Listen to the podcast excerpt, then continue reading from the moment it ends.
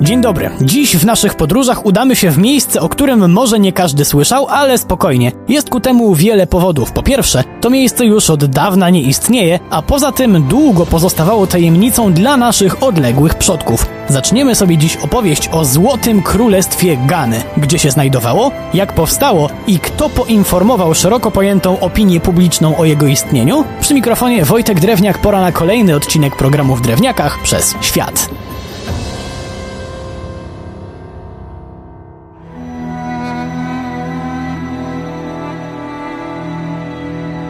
Trzeba uczciwie przyznać, że przy tym bałaganie, jaki we wczesnym średniowieczu miał miejsce w Europie, to ludy afrykańskie mieszkające poniżej Sahary, w tak zwanym rejonie Sahelu, miały stosunkowo beztroskie życie. Trwano tam w izolacji, która wystąpiła z dwóch powodów. Po pierwsze, północną część Afryki zajęła cywilizacja islamu, więc jeśli ktoś zapuszczał się w pozornie niegościnne południowe regiony, to tylko arabscy kupcy. Z kolei Europejczycy bardzo długo nie docierali tam z kolonizacją. Przez pierwsze 300 lat tego procesu ograniczano ograniczano się w sumie tylko do wąskiego pasa wybrzeża. Tymczasem w głębi kontynentu była swojego czasu prawdziwa potęga. Zanim przejdziemy do historii, to chociaż odrobinę wyjaśnijmy sobie o jakich terenach zaczynamy właśnie dyskusję. Myślę, że do rzecza afrykańskich rzek nie są wiedzą powszechną, to też darujmy sobie tego typu nawigowanie i określmy to tak.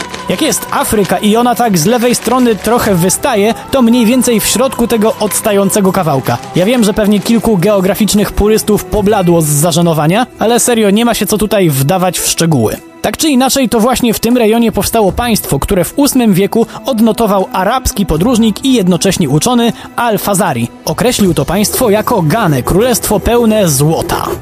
Kolejne przekazy, które przeanalizowali znawcy, każą podejrzewać, że początki Gany mogą sięgać IV wieku naszej ery, chociaż prawdopodobnie nigdy by nie powstała, gdyby nie czynnik jednoczący ludzi od początku istnienia naszego gatunku wspólne zagrożenie. Początki osadnictwa Sahelu to drobne wioski rządzone przez potomków rodzin, które przybyły na te tereny jako pierwsze. Jednak szybko okazało się, że pojedyncze wioski nie dają rady sprostać coraz częstszym wizytom okolicznych koczowników, którzy uznali, że rabunki i porwania to w sumie spoko forma dorabiania sobie do pasterstwa. Wsie zaczęły łączyć się we wspólnoty, które miały przede wszystkim, jak to wspólnoty, wspólnymi siłami odpierać ataki barbarzyńców. Jednak szybko okazało się, że taka więź ma więcej plusów i można na przykład prowadzić wspólną politykę handlową z innymi organizacjami tego typu. Przy czym ten mechanizm pewnie nie wszystkich zaskoczył. To typowy proces, który miał miejsce w wielu miejscach świata. W Sahelu było jednak coś wyjątkowego, bo w pewnym momencie mieszkający tam ludzie trafili na ogromne złoże surowca, które miał wszystko zmienić.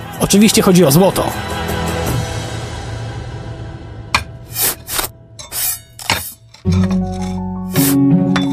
I to w wielu formach. Nie tylko można je było całkiem łatwo wypłukać z rzecznego piasku, ale również wykopać całe bryły zalegające płytko pod ziemią w formie żył. Czy to była wspaniała nowina? Oczywiście, jednak tego typu informacje bardzo szybko się rozchodzą i ekspresowo pojawili się łasi na złoto Berberowie. I tutaj mamy pewną niejasność, jak się sprawy potoczyły, bo jedni historycy uważają, że to właśnie jeden z takich najazdów lepiej rozwiniętych kulturowo Berberów zapoczątkował faktyczne powstanie Złotego Królestwa. Inni z kolei twierdzą, że agresorzy po pewnym czasie się zasymilowali i osiedlili razem z miejscowymi. Nie ma natomiast wątpliwości, że od IX wieku w źródłach już po najazdach nie ma śladów, za to sporo znajdziemy informacji o najsilniejszym państwie regionu. W Ganie nie tylko handlowano złotem i kością słoniową, ale też na potęgę uprawiano ziemię, w tym bawełnę i proso. Trochę gorzej było z hodowlą bydła, bo już wtedy muchy tsetse dawały się we znaki. To też mięsne menu uzupełniano o zwierzaki łowne, które w tym rejonie świata oznaczają antylopy czy słonie. A konie? Konie nie, bo były potrzebne do obrony szlaków handlowych, które Arabowie zaczęli wytyczać w głąb Afryki. Początkowo nawet ludy, które znalazły się między islamskim kręgiem a Ganą, próbowały walczyć o kontrolę nad szlakami, ale tego typu śmiałe pomysły zawsze kończyły się wizytą konnicy wystawionej przez obłędnie bogatą Ganę. Tak, mieli konnice z mieczami, lancami i oszczepami. Czy w takim razie Arabowie się ich bali? Nie do końca, bo nie mieli wtedy zamiaru z Ganą wojować. Przez wiele dekad korzystali na tym jedni i drudzy. Jeśli chodzi o najczęściej wymieniane drogie towary, to było to złoto za równie cenną wtedy sól. Jednak to nie jedyny plus dobrych relacji Arabów i Gany, bo coraz częściej zaczęli się na południu pojawiać arabscy podróżnicy i uczeni, którzy zostawili nam niesamowite opisy nie tylko bogactw, ale też tego, jak wielkim szacunkiem darzono lokalnych władców. I właśnie tym zajmiemy się już w kolejnym naszym spotkaniu. Przy mikrofonie był Wojtek Drewniak. Do usłyszenia.